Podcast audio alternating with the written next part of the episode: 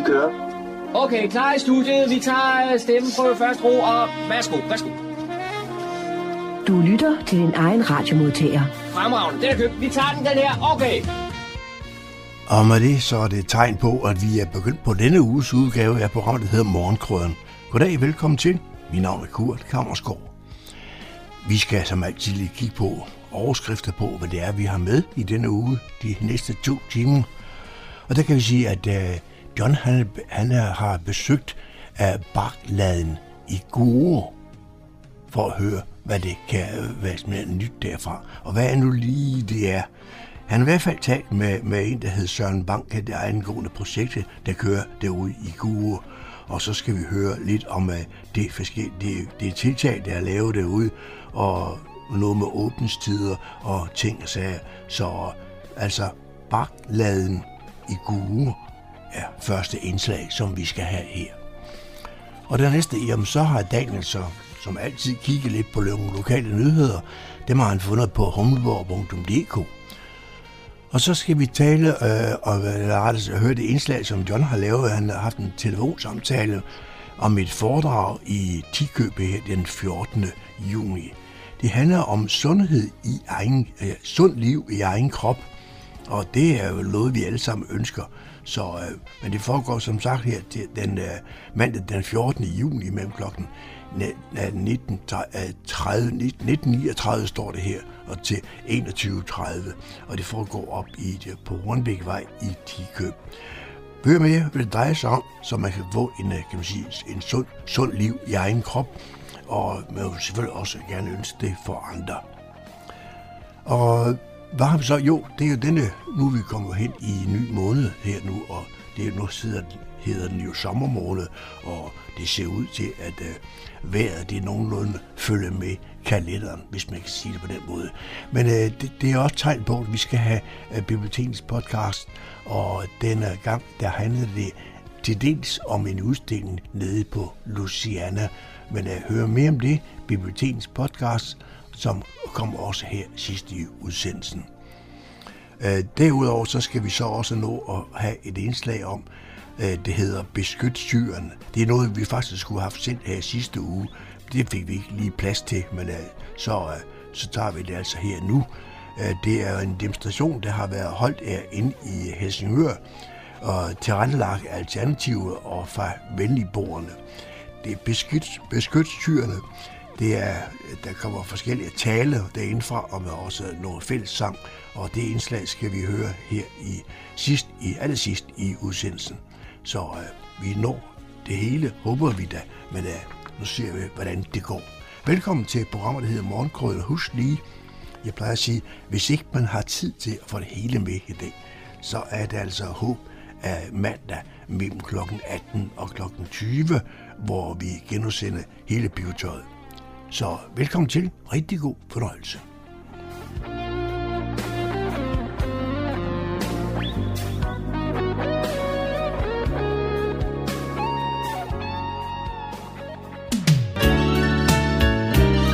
Du lytter til Morgenkrydderen. I studiet er det Kurt Kammerskov. Jeg er taget til Gure og står ved den gamle baklade, som, som er en meget, meget karakteristisk øh, bygning. Og så møder jeg Søren øh, Banke. Søren, øh, hvad er det, du laver her? Jamen, øh, jeg har lejet øh, Barkladen af Naturstyrelsen med, med den idé om, at vi skulle være et øh, socialøkonomisk foretagende. Men øh, coronakrisen, den gjorde, at vi blev nødt til at sætte lidt om øh, fordi øh, henvendelserne fra, øh, fra de øh, institutioner øh, Øh, øh, med, med, med de borgere, som ville gerne vil lære lidt op i øh, nogle håndværksmæssige traditioner, at, øh, at øh, det, øh, det fik vi ikke startet op. Så vi, vi gik i gang med at tænke, øh, vi må lave en anden strategi for ligesom at, at komme lidt i gang, fordi vi, øh, altså, jeg, jeg er jo selvstændig, og øh, meningen var, at øh, at vi skulle lave øh, tre forretningsenheder, hvor de to af dem skulle tjene penge og subsidiere den øh, socialøkonomiske del af virksomheden. Øh, da det socialøkonomiske ikke lige øh, gik i gang, så fokuserede vi så vores, øh, vores aktiviteter og drift på den, øh, bæredygtig byggeri og øh, udvikling af noget, vi kalder hyperselektiv nedrivning.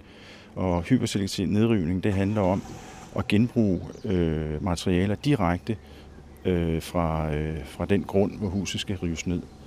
Og, øh, og det, øh, det er vi i gang med at søge nogle fonde til i øjeblikket. Øh, den første fondsansøgning bliver sendt afsted på mandag, øh, og det er Innovationsfonden, øh, vi søger midler fra.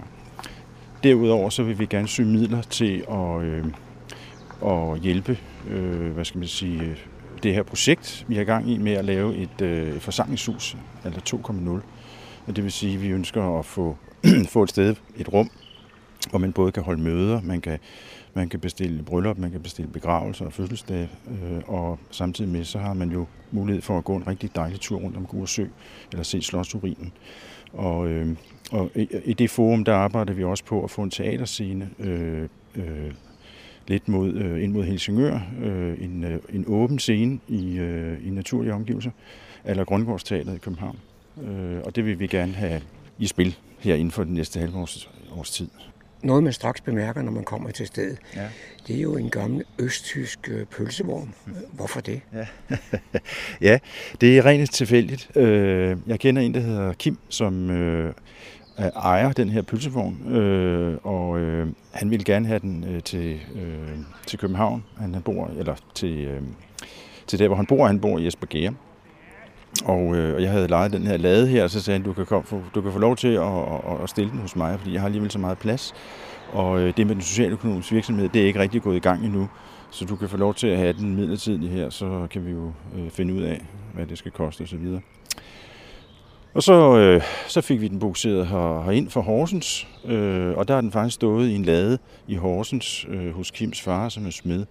Og, øh, Øh, og der har den vist nok stået siden den, øh, den kom fra en Roskilde Festival øh, for 8-10 år siden. Historien bag den her, det er, at Kim og hans bror, øh, de tager på et tidspunkt til Tyskland for at starte en virksomhed op. Øh, det går meget godt, indtil det går rigtig, rigtig skidt. Øh, de går vist nok konkurs dernede.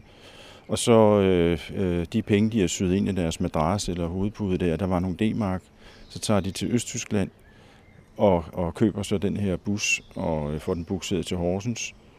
Og så laver de den i stand til sådan en, øh, et, øh, et køkken på hjul, og så ind på Roskilde Festival, hvor de så tjener rundt regnet en million kroner og kommer ind på boligmarkedet. Så den har en lidt sjov historie. Og øh, da, den, da den kom herover, så tænkte vi, at den skal da jo være aktiv, fordi det er jo det er fuldt ekviperet med med, med køleskabe og hvad der nu hører sig til i forhold til at drive en café. Så vi tænkte, at vi må jo spørge Naturstyrelsen, om vi må få lov til det. Ikke? Kan man så også købe varme pølser Ja, det kan man godt. Øh, og vi, vi forsøger i virkeligheden at, at sigte efter, og at man kan få øh, produkter fra Nordsjælland, øh, som er produceret heroppe, øh, og som øh, producenterne ligesom kan få udstillet deres varer øh, og så kan man tage ud og købe hos dem efterfølgende, når man har smagt det her. Jeg startede med at fortælle, at vi står ved den gamle baklade ja. i, i Gure. ja. Og må, måske kunne du fortælle os, hvad en baklade er? Ja, altså en baklade er en, øh, en foranstaltning, der øh, har øh, tørret frø eller bark, øh, frø til genplantning øh, og bark til øh, gavningsindustrien. Altså man trækker, det, det har jo nok været ebark, hvor man har trukket tanninerne ud og, og, og brugt det i, øh, i gave, gavemæssig henseende. Øh, med de huder, som man har, efter når man har slagtet dyr, så skal man jo bruge læderet, og for at få læder, så skal, man, øh, så skal det ned ad gave, og der har man brugt den gavesyre, eller tanniner, som ligger i, øh, i barken. Men øh, selve bygningen, den er jo noget luftig. Det er den. Og hvad er det, den bygning skal bruges til?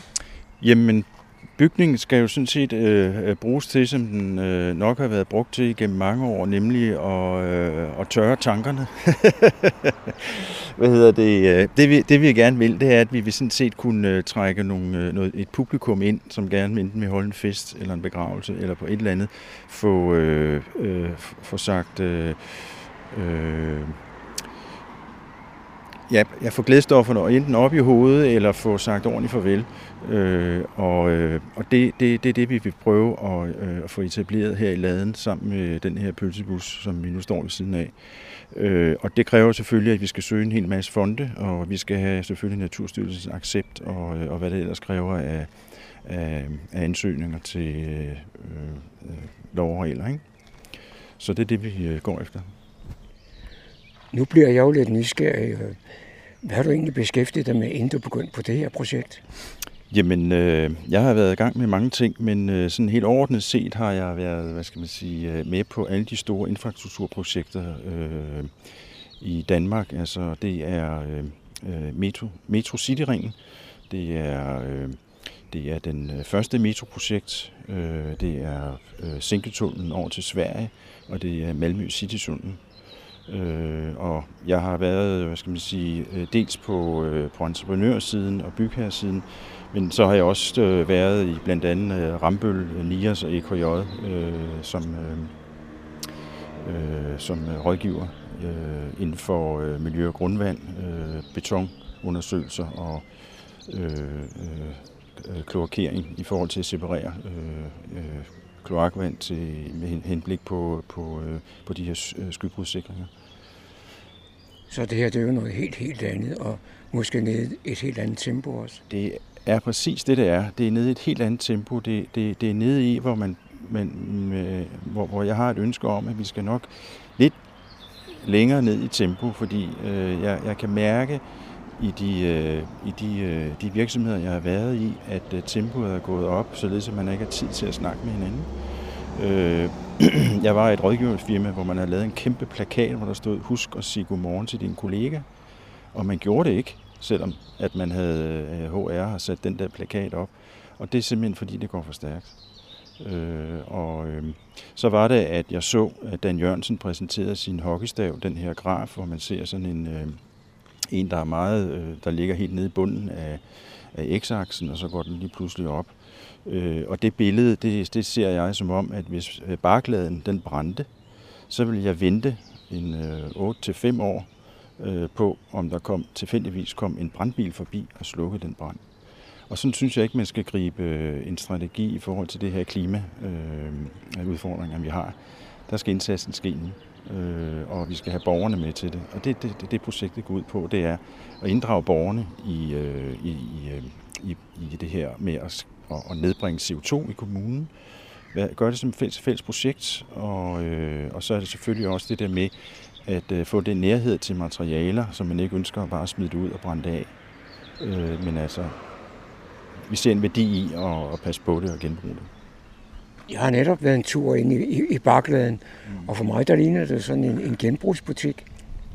Ja, præcis. Øh, og øh, det genbrug er, er genbrug inden for det her byggeri. Og det, det, det vi fokuserer på, det er selvfølgelig, at øh, jo længere tid man kan binde øh, CO2 i byggematerialer, øh, jo, jo bedre er det. Og, øh, og så hvis man, hvis man køber brugt, så sparer man CO2. Så vi vil lave en udstilling øh, herinde, hvor vi prøver at anskueliggøre på, hvor meget kan vi spare i CO2 ved at genbruge forskellige byggematerialer. Og, øh, og det, er, det er sådan set det, øh, vi også vil lave herinde. Og så, så eftersøger du et, et specielt produkt? Ja, det er, øh, det er i forbindelse med det der, hvis man skal holde en fest eller noget, så øh, hvis man gerne vil sidde udenfor, og, og solen er for hård, så vil vi gerne kunne trække en markise ud, og den vil vi gerne lave et brugte sejl. Så hvis der ligger nogen inde med nogle brugte sejl, som de, ikke, som de alligevel vil køre på genbrugspladsen, så kan de køre dem øh, herud i Barkladen, øh, Gurvej øh, 445. Skal man ringe til dig ind? Det, kan man, det behøver man ikke, men øh, man kan jo godt sende en sms på 51 51 88 03, så øh, kan vi sagtens få en snak, og så kan jeg tage imod den. Hvis man nu øh, er interesseret i det her sted, ja. og kunne tænke sig at besøge det, hvornår er der så nogle folk her? Jamen, øh, vi har lagt ud øh, på Facebook og Instagram øh, på det, der hedder Barkladen. Og øh, der vil man kunne se, at der er åbent fra 10 til 16 øh, i weekenderne på sigt vil vi jo gerne have åben altid, 24-7, 365, men øh, vi skal lige have vores tilladelse på plads først. Det var John Marco, der havde produceret dette indslag. Radio Humleborg. Nordsjællands mest voksne lokalradio. Så er det igen gået hen og blevet tid til lokale nyheder hentet fra Humleborg Online. Jeg er Daniel Jørgensen. Sommeren er over os, og det er dermed også blevet tid til at finde læseiveren frem og deltage i de danske børnebibliotekers store læsekonkurrence Sommerbogen. Sommerbogen er en hyggelig tilbagevendende begivenhed på Fredensborg Bibliotekerne. Det er en landsdækkende læsekonkurrence for de 6-15-årige, der skal være med til at sætte læselysten i høje sæde. Og udover at skrive tre små boganmeldelser af læste bøger, skal man også løse en række sjove læseudfordringer, såsom at læse en bog, mens man spiser en is, eller læse en bog, der er udgivet i 2021. Et udfyldt udfordringsark udløser en bogpræmie på et af de tre biblioteker, og der vil derudover blive fundet tre vindere på landsplan, som vil modtage hovedpræmien. Den er at tømme en boghandel på 5 minutter. Man kan komme forbi sit lokale bibliotek og hente udfordringer, anmeldelsesark eller downloade den på Fredensborg Bibliotekernes hjemmeside. Begge, begge steder kan man desuden få mere at vide om konkurrencen og masser af inspiration, hvis man mangler noget gode hvis man mangler nogle gode bøger at læse. Men deltager i sommerbogen fra den 11. juni til den 21. august. Socialdemokratiet i Fredensborg Kommune har nu en liste med 21 kandidater klar til kommunalvalget. Borgmester Thomas Lykke Petersen blev valgt på en generalforsamling i januar, og nu har partiforeningen gennemført en uafstemning blandt partiets medlemmer. Det er en kontinuerlig liste, hvor der i forhold til valget i 2017 er 13, der genopstiller, og fornyelsen består af 8 nye kandidater. I den siddende byrådsgruppe har Bo Hilsted valgt at takke af og genopstiller derfor ikke. På ungdomssiden stiller Socialdemokratiet med to DSU-kandidater, Sara Lykke Kjær Pedersen og Frederik Lisemose. Der er helt nye kandidater på listen. Frederik Lisemose er endnu ikke fyldt 18 år. Listen rummer også folketingskandidat og regionsrådkandidat Louise Menke, der er Fredensborg-kredsens folketingskandidat, og Ergin Øtsen, der netop blev valgt som regionsrådskandidat for partiet. Listen består i alt af 21 kandidater. Og så er tilmeldingen til årets pensionistudflugt 2021 gået i gang. Og i år går turen med Pearl Seaways færge ud på Øresund. Man sejler fra København, og turen byder på skøn udsigt og masser af frisk luft. Pensionistudflugten er på to dage, enten onsdag den 25. august eller torsdag den 2. september. Begge dage kører bussen kl. 8.30 til færgen i København. Man skal huske gyldigt billed-ID, f.eks. pas eller kørekort. Turen koster 200 kroner per person. Færgen sejler kl. 10.30 og er tilbage 14.30. Der vil være mulighed for at nyde en kop gratis kaffe eller te i Columbus Club samt Navigation Bar og høre sangerinden Inge Marie fra Dressinebanden underholde. Kl. 11.15 er der en skøn frokostbuffet i restaurant Seaways og Blue Ribbon, og det er inklusiv en drikkevare per person. Og efter ankomst tilbage til København 14.30 foregår turen retur til din by. Man kan købe billet til sig selv og sin ægtefælle eller samlever, hvis begge er folkepensionister og bosiddende i Fredensborg Kommune. Tilmeldingen kører frem til torsdag den 24. juni kl. 17 og foregår via fredensborg.dk. Det var alt for denne omgang. Nyhederne var oplæst og redigeret af Daniel Jørgensen og hentet fra humleborg.dk. Jeg har ringet til Frederik Damor Brun, og anledningen er, at du, Frederik, har henvendt dig for at give lidt foromtale af et foredrag, du skal holde her mandag den 14. juni. Foredraget der hedder noget i stil med Sundt liv i egen krop. Og, og hvad går det ud på? Jamen det, det går ud på, det er, at øh, jeg vil gerne få ud så meget viden som muligt øh, ud, på, øh, ud til det danske befolkningen om sundhed. Om hvad er det, som er sundhed? Øh, hvad er det, vi skal gøre for at kunne holde en sund livsstil? For det her er tale om en livsstil, ikke en kur. Men det der med at finde ud af, hvad er det, kroppen gerne vil. Altså, hvad er, det, hvad er det, den gerne vil have? For det er jo biologi, det vi taler om. Altså, grøntsager og kød og salat, og hvad er det, vi skal spise? Så det, som foredraget kommer til at øh, handle om, er, hvordan skal vi enklest kunne finde ind til den her livsstil. Så står der også i det, du har sendt ud, at du har mere end 20 års erfaring i behandling af kroniske lidelser. Ja, jeg er øh, uddannet øh, heilpraktiker, og det er en tysk uddannelse, som er det, der handler om af at behandle kroppen så naturligt som muligt. Så for en 20 år siden, der tog jeg en øh, uddannelse, som var lidt her i Danmark, og så lidt i, i Tyskland. Desværre findes ikke den skolen mere, men øh, det var der, jeg blev uddannet til at behandler lidt forskellige, øh, forskellige skavanker. Øh, og det, der handler om, er jo til eksempel at komme så tættest på biologien i kroppen. Altså til eksempel, vi bruger rigtig meget tester og laboratoriumstester og sådan, for at finde ud af, jamen, hvordan skal vi kunne øh, få bragt din krop tilbage til det, der, det den har været. Og så, så kan jeg se også, at øh, det område, du dækker, det er jo meget, meget bredt. Du skriver om kredsløb, maveproblemer, knæudfordringer, sorg, overvægt, spiseproblemer, smerter og såkaldt fertilitetsbesvær. Det er jo meget, meget bredt. Ja, det er det. Og, og det, det handler om, er jo, at, øh, at øh, hele kroppen hænger selvfølgelig sammen. Og det er, det er jo en holistisk øh, tankegang, det vi kigger på. Og selvfølgelig kan man se det, det er meget, meget bredt. Og selvfølgelig kan jeg heller ikke helbrede. Det vi kan gøre, det er jo at finde ud af, hvordan kan vi opbygge den her kroppen. Hvad er der for mangler, som vi har i kroppen, som kommer hen til at være en, øh, øh, som bliver til eksempel en sygdom eller et eller andet. Så, så det vi gør, er jo at kigge på de mangler. Så selvfølgelig bliver det rigtig, rigtig bredt. Til eksempel et knæproblem er jo ikke bare, det handler ikke kun om knæ, det handler også om, er du overvægtig? Øh, du ved, har, har du for meget syre i kroppen? Hvad er det, der gør til eksempel, at du har de problematikker? Så det er den der med at kigge hele vejen rundt om. I foredraget, der kommer du også ind på, at øh, det er ens egen vilje, der kan styre udviklingen. Ja, altså alt det, som vi, altså alt det, vi laver jo, er jo, at man, at man selv arbejder med sig selv. Altså vi har også vaner, og øh, dårlige vaner, og så har vi nogle gode vaner. Men rigtig mange af vanerne, er, det, det er nogle vaner, som vi har tilbragt os hen ad livet.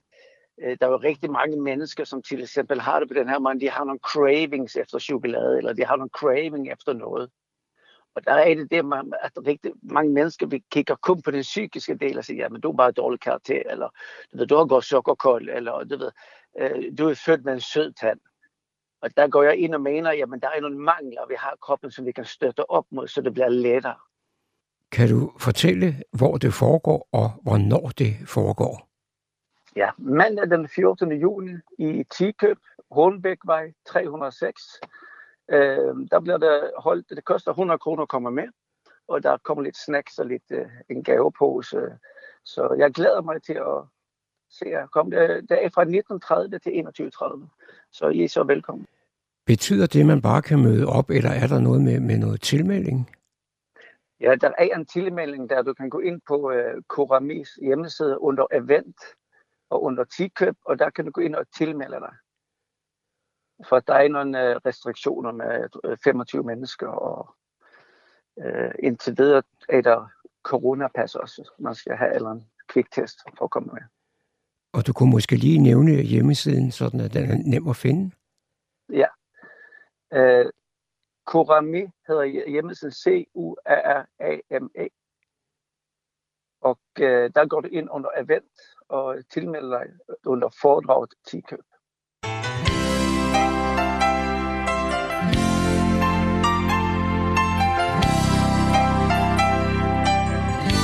Du lytter til din egen radiomodtager.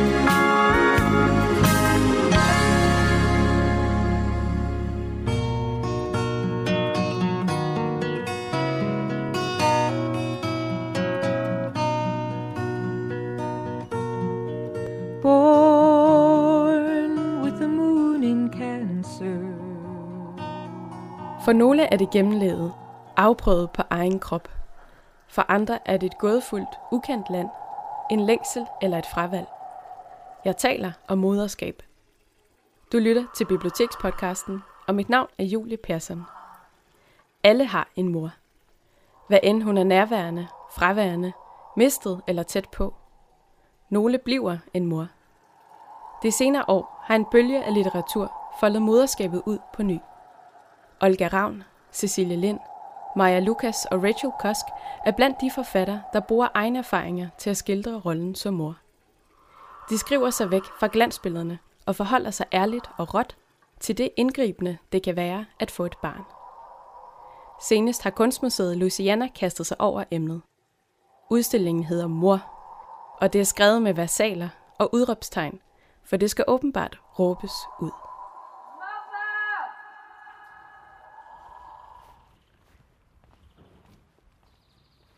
Jeg er taget til Humlebæk for at finde ud af, hvordan Louisiana portrætterer de mange mødre.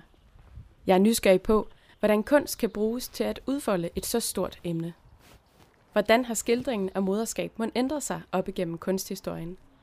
Og hvordan ser det ud i dag, hvor idealbilledet om den perfekte mor lever i bedste velgående, samtidig med at traditionelle kønsroller udfordres og nye familiestrukturer skyder frem? Jeg skal mødes med kunstformidler Line Ali Heider. Hun skal guide mig igennem udstillingen, og jeg har bedt hende vælge nogle værker, vi kan slå ned på.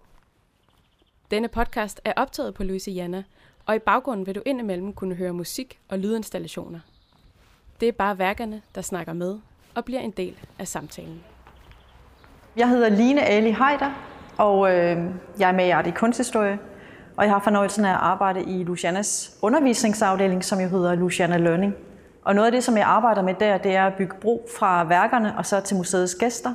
Og den bro kan bestå af samtaler eller foredrag, og nogle gange også kreative øvelser, hvor man prøver at udforske temaer. Først og fremmest vil jeg gerne vide, hvorfor Louisiana finder moderskabet så interessant, og hvorfor de vil bruge en hel udstilling på emnet. Jamen det synes vi jo blandt andet, fordi moderskabet er så fuldstændig grundlæggende. Altså vi er jo indtil videre alle født af kvinder. Så det der med at vokse op med en mor eller uden en mor, det påvirker jo en på mange måder. Så det er et emne, som alle kan relatere til. Det handler både om noget privat, men det handler jo også om noget kulturelt. Og det er noget af det, der er så spændende ved den her udstilling, at den tager det lange stræk ned gennem kulturen også, og viser os, at nogle af de tanker og idéer, vi forbinder med moderskabet, faktisk har lange aner tilbage i tiden. Og dermed kan vi jo også stille spørgsmålstegn ved, hvor de idealer, vi forbinder med moderskabet, hvor de stammer fra. Når man kommer ind i udstillingen, så starter det med beskrivelsen, og på den ene side står Beyoncé med to tvillinger, og på den anden side er den hellige moder med det lille Jesusbarn. Hvorfor starter det sådan her? Jo, men det er jo et møde mellem to øh, kendte møder, kan man sige. Og når vores kuratorer, som hedder Kirsten Del og Marie Lauberg, når de har valgt, at vi skal starte med det her møde, jamen så er det jo fordi, at vi kan se, at øh, tanken om den kristne Madonna lever videre i moderne skildringer af moderskabet. Og hvis vi nu først kigger på det ældste værk, som er malet i renaissancen af en hollandsk maler, som hedder Dirk Boots, det viser Maria med barnet, og vi ser den her unge jomfru Maria, som kigger ømt og kærligt ned på sit barn, som hun holder i hænderne. Og noget af det, som jeg synes, man bliver meget rørt af, når man ser på billedet, det er både, hvor kærligt Maria holder om sin søn, men også det her bly blik, som hun kigger på, altså kærlighedsfyldte blik, som hun betragter sin søn med. Så hvis vi går fra det her kærlighedsfyldte blik, som er rettet mod barnet, over til Beyoncé her, så kan vi se, at i værket af Beyoncé, som er skabt af en amerikansk fotograf, der hedder Mason Pole, der er også et, et blik selvfølgelig, men det er ikke rettet ned mod børnene, som Beyoncé holder på sin arm, men ud mod os. Så selvom det er tydeligt, at øh, Beyoncé faktisk trækker på en masse elementer fra Madonna-fremstillingen, øh, så er der alligevel en kæmpe stor forskel på Beyoncé som mor og Maria som mor. Fordi det Beyoncé gør, det er jo, at hun trækker elementer fra ikonet ind i sin egen selviscenesættelse, så hun kommer til at fremstå som sådan en, en moderne, sexet pop-Madonna. Så hun bruger sit moderskab som sådan en styrkeposition. Hvordan har I sådan kunne se igennem kultur- og kunsthistorien, at, at den der fremstilling af moderskabet fra noget mere sådan blyt og, og mildt til det her power, ja. øh, Hvornår sker det skift, eller hvordan kommer det til udtryk? Skiftet fra den bly, selvopoffrende mor, og så til en mere sådan powerful, selvbevidst mor, der bruger moderskabet til selviscenesættelse, sker i forbindelse med, at øh, kvindelige kunstnere kommer på banen og selv kan være med til at forme deres egen selvfremstilling. Fordi sådan et billede, som vi så på til at begynde med, øh, af Maria med Jesusbarnet, er jo malet af en mand, og sådan har det traditionelt været gennem kunsthistorien, at det er mænd, der har fortolket, hvad det vil sige at være mor. Men med den moderne kunst fremvækst i begyndelsen af det 20. århundrede, så begynder vi at få nogle kvinder, som både kan være kunstnere og mødre. Og det giver jo meget mere komplekse fremstillinger af moderskabet.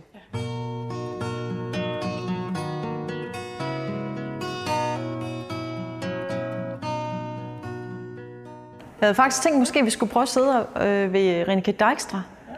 fordi du, du bad mig om at vælge et værk, som jeg synes var sådan lidt specielt, og så til min store overraskelse, så tænker jeg, måske er det egentlig det.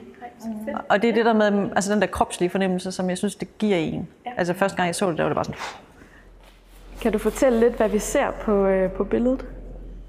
Jamen på det her store fotografi af den hollandske fotograf Reneke Dijkstra, der ser vi en ung mor, som nærmest står med ryggen mod muren. Hun står med ryggen op mod en væg i sin egen lejlighed. Øh, hun har iført øh, sådan nogle store øh, graviditetstrusser. Det er det eneste, hun er på. Og knudet ind til sit bryst, der holder hun en lille øh, nyfødt dreng. Og hun bruger sin hånd til at skærme hans ansigt, sådan at han ikke får et chok, når fotografen udløser blitzen. Og samtidig så stiger hun jo så ind i kameraet, og hendes blik er meget fantastisk. Det rummer både stolthed og forvirring. øhm, men det, der er så særligt ved billedet her, synes jeg, det er jo, at det netop viser en mor en time efter hun er født, og man altså ser et alternativ til de her øh, lyserøde skildringer af moderskabet, som vi er vant til i populærkulturen, og måske også i vores eget fotoalbum. Og i stedet for dem, der ser vi egentlig kroppen i forandring.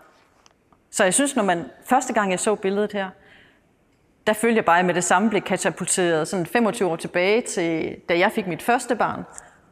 Jeg synes, man virkelig fornemmer denne her kropslige udmattelse i billedet. Ja. Og det synes jeg er ret vildt, at et billede kan kommunikere på den måde og tale om en kropslig erfaring. Ja. Men noget, der også er vildt, det er jo, at eftersom kvinder altid har født børn og haft de her erfaringer, så er det jo nærmest endnu vildere, at de ikke rigtig har fundet plads i kunsten. Ja. Jeg synes helt klart, at øh, noget af det, som kvindernes fremstilling af moderskabet giver, det er jo, at man får en meget mere nuanceret og kompleks skildring af, hvad det vil sige at være mor. Det er en skildring, som både inddrager det chok kropsligt, det kan medføre at blive mor. Det er en skildring, som handler om den træthed, øh, som kan komme, når man ikke har sovet flere måneder i træk. Det er usikkerheden omkring, forstår man nu overhovedet at være mor? Det er angsten for, hvad sker der? Taber jeg mit eget selv?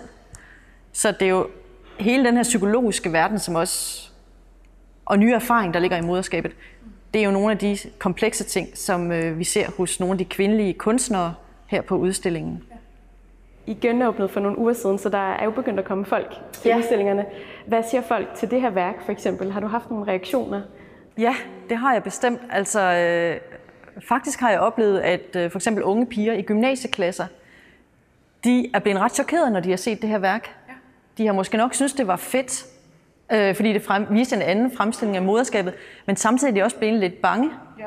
Og jeg har et, et par gange oplevet, at de efter en omvisning eller efter en samtale om værket er kommet hen til mig og har spurgt, hvordan kan det være, at maven ikke er gået ind endnu, fordi hun har jo født, og, og er det virkelig alle, der kommer til at se sådan ud? Så det understreger også for mig det her med, at øh, de piger aldrig har set sådan nogle billeder før. Så der synes jeg egentlig også, at vi har et ansvar, og det er jo det, kunsten også kan, for at vise en meget mere realistisk virkelighed.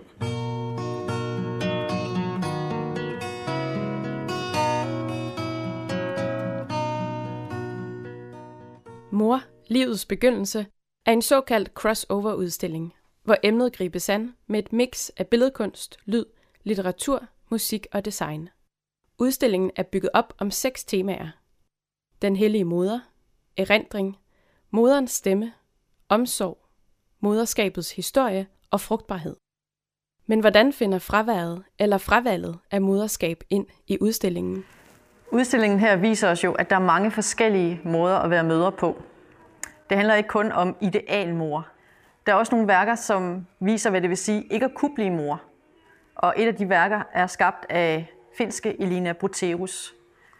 På udstillingen der ser vi kunstneren selv, som simpelthen øh, giver os fingeren. Og øh, på sin ene arm, der holder hun en gravhund. Og værket det hedder Min hund er smukkere end din dumme baby. Og øh, kunstneren selv er iklædt sådan en Maria blå hoodie. Så vi har altså forbindelsen tilbage til Maria, kan man sige, med den blå farve, himmeldronningen. Men øh, barnet er altså erstattet med gravhunden her. Og det er måske et værk, som man umiddelbart tænker, hvad? Øh, sikkert en provokation. øh, men man skal se det i forbindelse med kunstnerens værk i øvrigt. Ja. Fordi værket, vi har her med på udstillingen, er slutpunktet i et fem år langt forsøg fra kunstnerens side på at blive gravid. Hvor hun til sidst må sende, at øh, den her bebudelsesengel jo ikke dukker op. Så det handler også om, hvad det vil sige, ikke at kunne blive mor, og vel også at give fingeren til tanken om, at alle kvinder skal være mødre. Og det er noget af det samme, som øh, den engelske feministiske kunstner Tracy Emin arbejder med på forskellige måder. Og nu står vi jo lige foran et, synes jeg, super fedt værk, hun har lavet, som har en rimelig hardcore titel også. Jeg forventer ikke, øh, står der øh, på værket, som er et slumretæppe, kunne man måske sige, i stor øh, version. Ja. Øh, og hvis man læser videre øh, fra Jeg forventer ikke, så det Tracy Emin ikke forventer, det er faktisk at blive mor. Så jeg forventer ikke at blive mor, men jeg forventer at dø alene. Øh, det Tracy Emin gør her, det er jo, at hun tager et element som et tæppe, som vi forbinder med omsorg og varme. Hun bruger en teknik som patchwork, som man måske også kunne forbinde med sådan en typisk øh, traditionel kvindelig aktivitet, hvor man genbruger for eksempel øh, børns tøj til at lave nye ting med. Men øh, i stedet for at bruge dem til tra- som øh, traditionelle øh, babyting, hvis man kan sige det sådan, så er det jo et værk, som handler om, om det stik modsatte, nemlig faktisk at vælge moderskabet fra. Og Emin har også andre værker med, øh, som handler om det samme, og blandt andet også skildrer erfaringer med aborter, øh, som jo også er noget, mange kvinder oplever, men som er temaer, der ikke får meget taletid i kunsten. Call her green, and the winters cannot fade her. Call her green for the children who've made her little green. Gypsy dancer. Musikken, vi hører i baggrunden, er Joni Mitchells sang Little Green. Og det er en sang, hun skriver i 1964, et par måneder efter, at hun vælger at bortadoptere sit nyfødte barn. Og i sangen der, der beskriver hun jo, hvordan ikke bare hun selv, men også barnets far måske er lidt for grønne til at blive forældre. Og øh, hun ønsker barnet alt muligt held og lykke fremover. Og den, det er sådan, at øh, man kan som beskuer sidde inde i sådan nogle øh, grønne bokse og lytte til, ja. til teksten. Ja. ja. Og jeg synes, det handler jo egentlig også om moderskabshistorie et eller andet sted, synes jeg, fordi sådan et værk kan jo også minde os om, at kvinder ikke altid har haft mulighed for at få for eksempel abort, ja. men også hvor svært det har været tidligere at være enlig mor, og hvordan man helt op til 50'erne og 60'erne i Danmark for eksempel blev stigmatiseret, hvis man fik børn uden for ægteskab. Altså Joni Mitchells sang kan jo også minde om, også om det her med, at det ikke altid har været så let eller muligt, både at være mor og være kunstner. Tit har det jo været sådan, at man har skulle vælge mellem at være mor, ja. eller at hellige sig kunstnerisk arbejde. Ja. Men der ser vi jo som noget meget spændende nu, at mange for eksempel af de unge kvindelige forfattere netop bruger moderskabets erfaringer i deres øh, litteratur. Ja. Og øh, en anden kunstner, der brugte det øh, inden for det visuelle, det er jo Dea Trier Mørk. Så det kan være, at vi lige skal kigge på hendes ja. værker, der hænger herovre. Ja, vi står over for tre værker af Deatria Mørk, som øh, viser en fødsel helt tæt på. Øh, I værket her, der hedder Hovedet er født, der ser vi jo simpelthen barnet, der lige øh, er på vej ud af morens liv. Og øh, det bliver straks grebet af kompetente jordmorhænder, som øh, hjælper barnet med at finde vej ud i verden. DR3 Mørk går her i gang med et tema, der jo faktisk har været et visuelt tabu i billedkunsten, nemlig at vise, vise fødslen så tæt på. Er, er, det, er det et chok for øh, den danske kunstverden, når, når hun kommer frem med de her? Er det, er det nyt øh, for os at se den her portrættering? Ja. ja, det er jo en meget ny vinkel, øh, bogstaveligt talt, som det er Trier Mørk viser øh, fødslen fra her, hvor vi øh, er helt tæt på. Og øh, da hun udgiver de her linoleumsnit, de bliver jo illustrationer i Vinterbørn, der udkommer i 76, så er det nyt, og det er også på nogen måde provokerende, men samtidig så giver det hende også en enorm succes. Det er jo en bog, som fortæller om, hvordan fødslen faktisk er i stand til at ophæve sociale skæld i den korte tid, som de kvinder, Deirdre Mørk beskriver, er indlagt øh, på Rigshospitalet, tror jeg det er. Og det, der er særligt ved Deirdre Mørk, det er jo også, at hun selv er både grafiker, forfatter og mor. Og hun beskriver øh, i et interview hvordan det faktisk lykkedes hende at gøre det, som kunne være en hemsko, altså moderskabet, og gøre det til omdrejningspunktet i sin kunst. Så hun simpelthen faktisk lidt ligesom Beyoncé, alligevel bare på en anden måde, ja. tager det ind og bruger det som en styrkeposition. Ja. Og det er jo politiske arbejder, fordi de viser jo igen, at kvinders erfaringer, de er værdige til at komme ind i kunsten. I de her år, der ser vi jo en bølge med litteratur om moderskabet, som, som beskriver det ret øh, ufiltreret og ikke så glamorøst. Er der nogle bøger, du selv sådan holder af, eller kan anbefale, som centrerer omkring moderskab på den ene eller anden måde? Ja, jeg synes for eksempel Olga Ravns nye bog, Mit Arbejde, synes jeg er utrolig fin og tankevækkende. Fordi det, den blandt andet gør, det er jo også at beskrive den der følelse af, at man nærmest får suspenderet sit eget jeg som mor. Øh, så jeg synes, den er god til at beskrive nogle af de der, sådan, den der grænsefølelse af, at man overhovedet sig selv. Øh, eller hvem er man, er man egentlig, når man får den der nye identitet som mor? Og Olga Ravn taler jo også om, hvorfor der ikke nogen, der har sagt til mig, at det, det var sådan at blive mor. Ikke? Så øh, jeg synes, at den, den griber fat i nogle vigtige aspekter af moderskabet.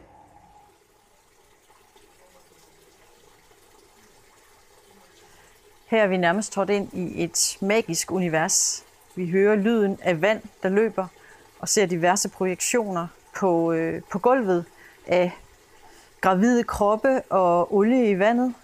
Øhm, og over det hele, der tårner sig sådan en fusion af en kvinde og blæksprutte krop.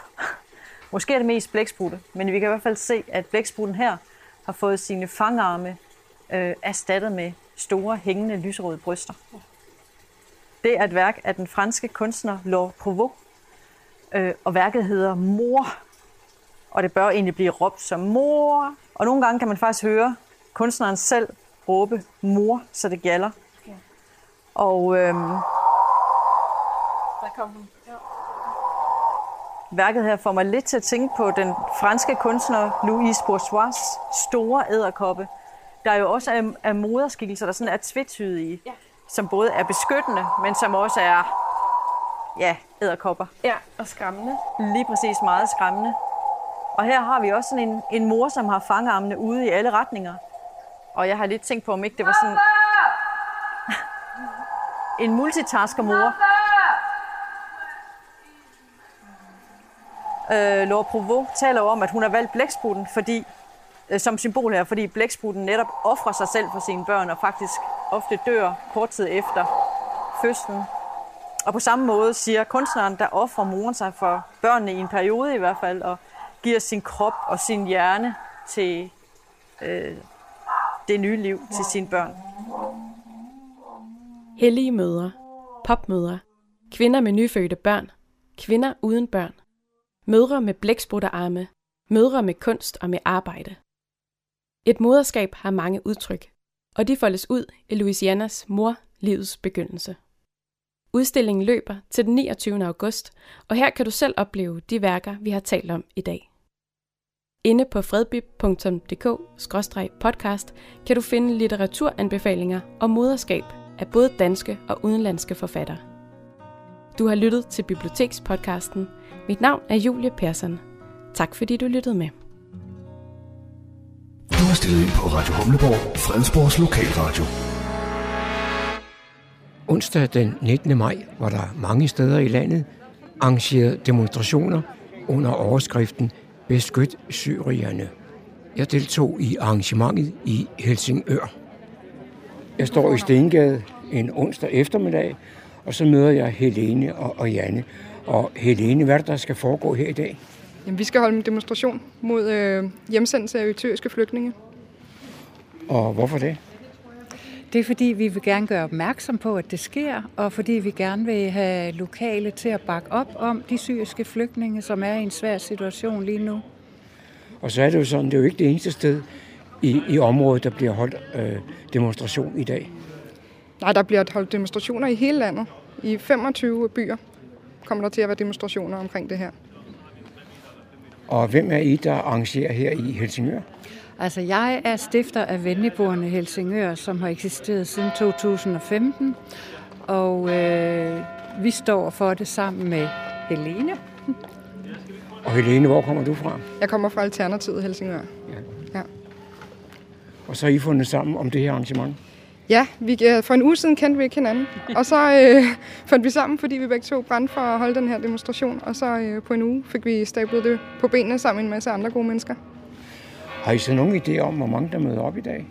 Altså det kan man jo aldrig vide, men vores forhåbning er øh, 100, måske 150, hvis vi er heldige. Jeg står stadigvæk i, i Stengade, og her der møder jeg Gallia. Og Gallia, du er mødt op her i dag. Hvorfor, hvorfor er du det?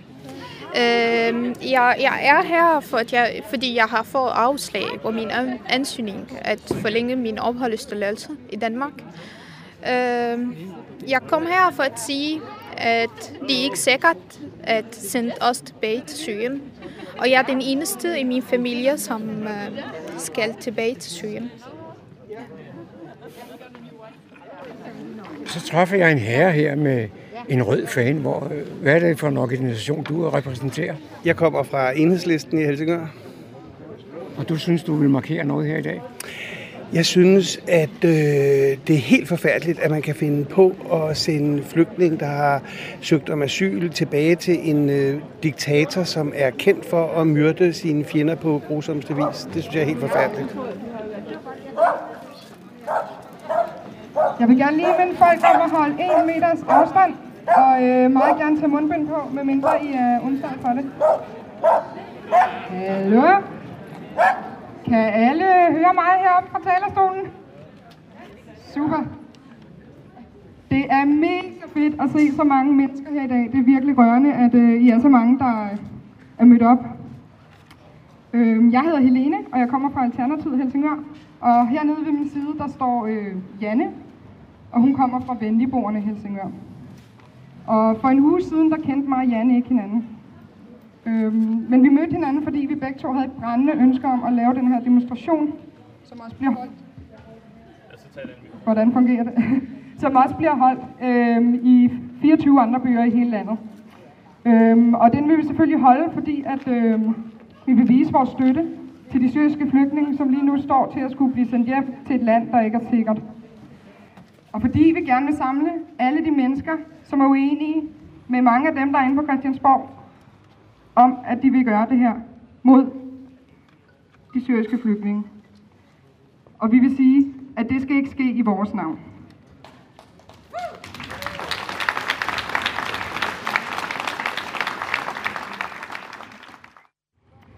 Og nu vil jeg give ordet videre til, øh, til Janne, som er fra Venligborgerne, som sagt, og hun, øh, hun har stiftet Venligborgerne her i Helsingør, og hun øh, har hjulpet flygtninge både i Helsingør og i øh, hele Danmark igennem mange, mange år. Så giv hende en stor hånd.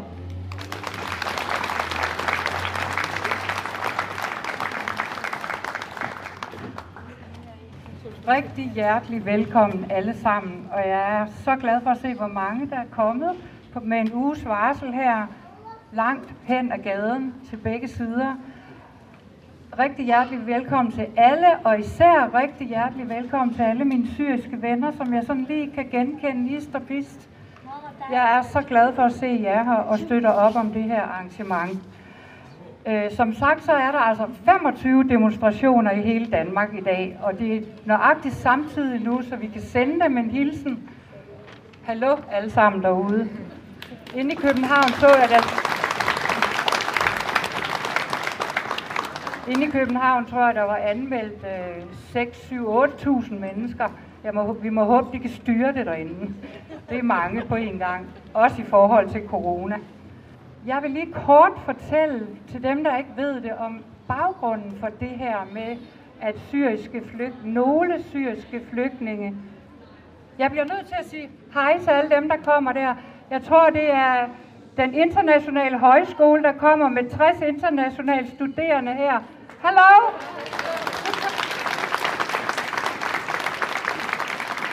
And I know that they will help us to sing later.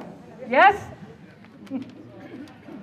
Jeg vil kort lige fortælle om baggrunden for det. Det, det handler kun om nogle flygtninge fra Syrien, som har en særlig flygtningestatus, der hedder paragraf 7.3. Og den blev indført af den tidligere, en, en tidligere regering i 2015, kun for syriske flygtninge. Det betyder med sådan lidt almindelige ord, at de er ikke personligt forfulgte. Altså at de er, har fået flygtningestatus på baggrund af den generelle tilstand i det krigshærede land Syrien. Og det fik de dengang, da de ankom, og de har fået deres opholdstilladelser forlænget flere gange, tror jeg. Og så lige pludselig sidste sommer, så begyndte Udlændingestyrelsen at ikke godkende dem. Og i nogle tilfælde fratage opholdstilladelser også fra dem, der har paragraf 7.3. Nu vil jeg øh, give ordet til Susanne Schütt, som står her bag ved mig, og Ole Anker Madsen. Ja. Øh, og de er aktive i øh, Amnesty International. Susanne kender rigtig mange af jer også, fordi hun er også stifter af Lektiecaféen på Vapnagård. De vil holde tale og synge en sang. Værsgo.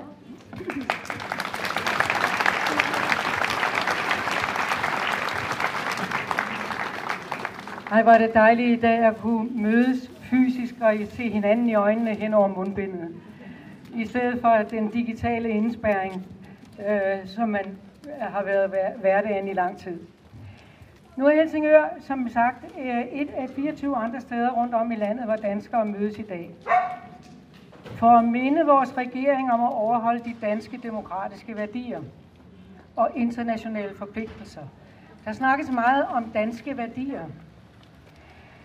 Øhm, de forenede nationers deklaration om de universelle menneskerettigheder blev til i 1948 på baggrund af to verdenskrigs redsler, folkemord og ødelæggelser.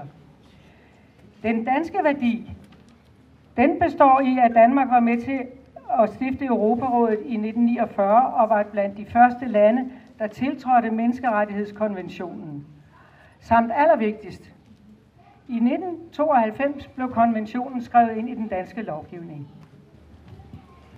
Flygtningens angst og desperation, uanset hvor de kommer fra, hvad enten de skal krydse have eller landegrænser, og uanset hvilken tid vi befinder os i, er beskrevet i et digt, der hedder Okaimos. Det betyder sorg. Det er et græsk digt.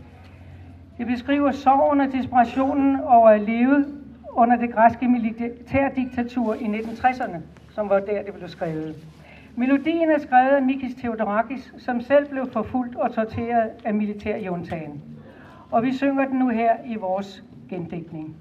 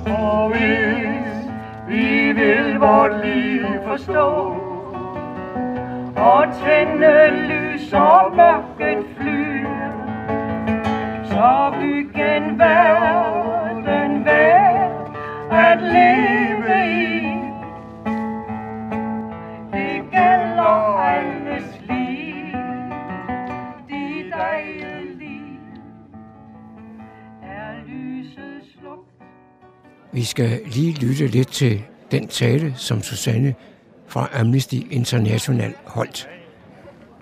Det var også i 1960'erne, under den øh, før nævnte øh, græske militærjunta, at digteren, danske digter Halvson Rasmussen øh, øh, skrev følgende vers øh, til Amnesty International i erkendelse af vigtigheden af hele tiden at arbejde for menneskerettigheder overalt.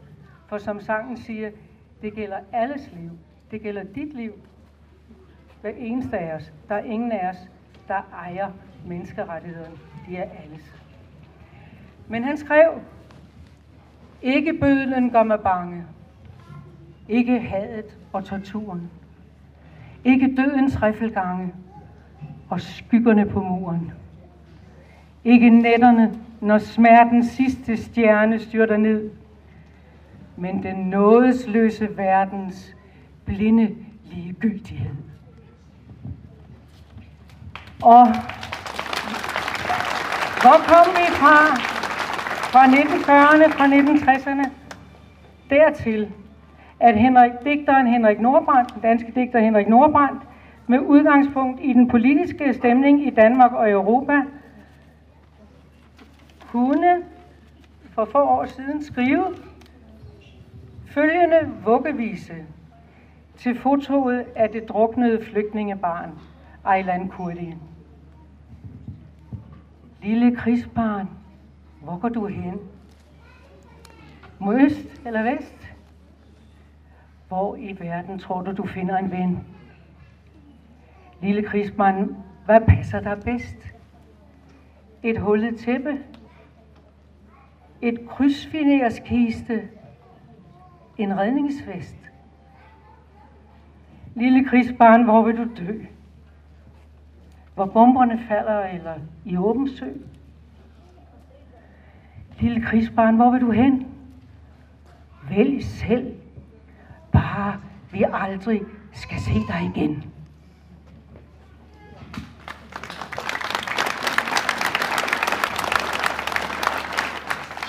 Danmark, et af verdens rigeste lande, har et stort ansvar for fre- verdens fremtid. Hvis vi krænker og devaluerer de menneskerettigheder, vores egen frihed bygger på, som om vi ejede dem, som vi kunne give dem eller tage dem fra andre, så svigter vi de mennesker i Danmark, som har kæmpet for menneskeret i Danmark i generationer før os. Vi tager håbet fra alle dem ude i verden, som med Danmark og de nordiske lande som model kæmper for fred og frihed.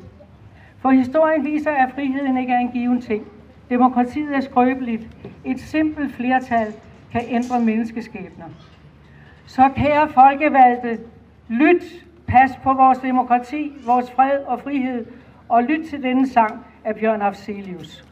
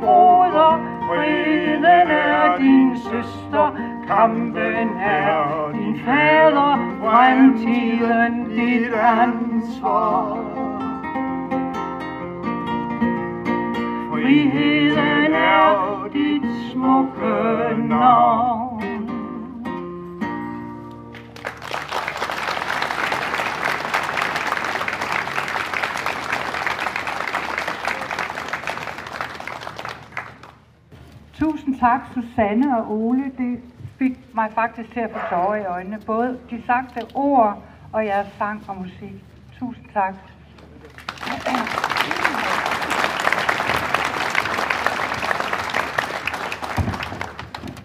Så vil jeg gerne bede Ralja Alasse om at komme op til mig.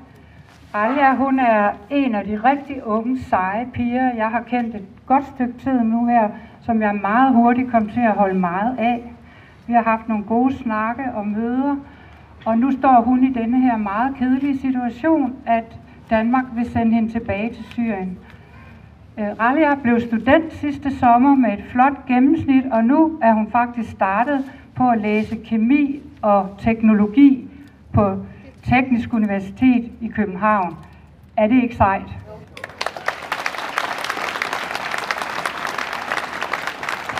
Tag godt imod, Ralia. Mange tak for, at I er kommet her for at støtte os i dag. Jeres støtte giver os håb og mod til at kæmpe videre. Jeg vil først præsentere mig selv. Jeg hedder Galia og er 27 år gammel og kommer fra Søen. I slutningen af 2015 blev jeg endelig genforenet med, i Danmark med min mor, far og fire brødre. Efter at have været skilt ad i fire lange år. Da vi endelig kom til Danmark, oplevede jeg for første gang i fire år igen fred og ro og tryghed. Vores familie flyttede to og to fra Søen, for jeg som den sidste tog afsted. Turen til Danmark var lang og farlig, og det tog mig 45 dage. Når jeg var ved at give op, var det tankerne om at se min familie, at leve i tryghed, der giver mig energi til at fortsætte. Jeg begyndte i sprogskolen for at lære at tale og skrive dansk. Derefter afsluttede jeg 9. og 10. klasse. Gik jeg videre til GIF som Lina HF, hvor jeg afsluttede med et godt gennemsnit. Mit mål var hele tiden at komme på universitetet, og i februar 2021 begyndte jeg at læse kemi og bioteknik på DTU.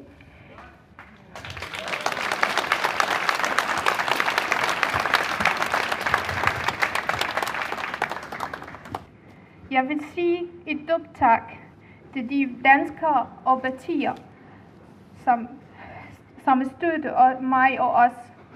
Jeg er taknemmelig for dem, som holder fast i de danske værdier.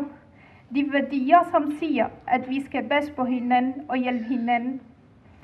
Tak til dem, der har hjulpet og støttet os, således at vi kan være en, en vigtig del af det danske samfund.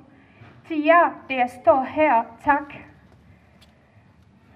Tak for at I ikke får mig til at føle forkert, fuld af frugt og usikkerhed og hjælpeløshed. Tak.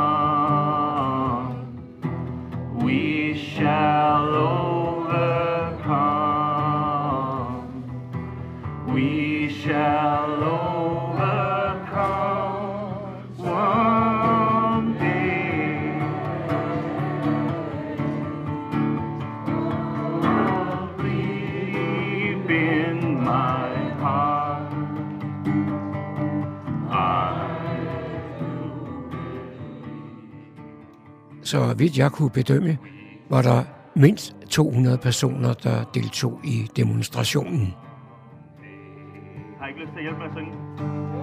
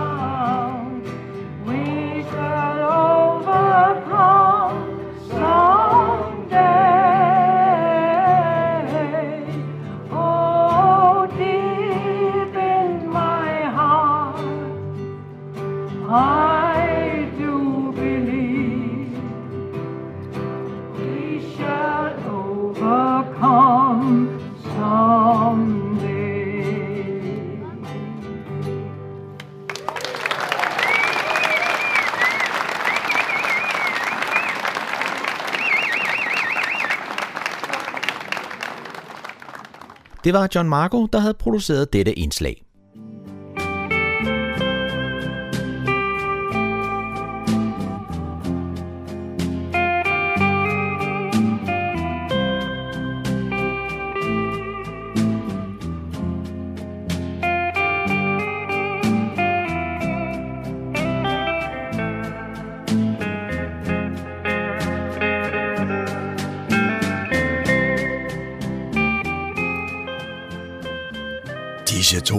Fortæller os, at vi er nået til afslutningen på denne uges udgave af programmet, der hedder Morgenkrøden. Her fra redaktionen, som består af undertegnet, jeg hedder Kurt Kammersgaard. Ja, der siger jeg tak for nu, og på genhør en anden god gang.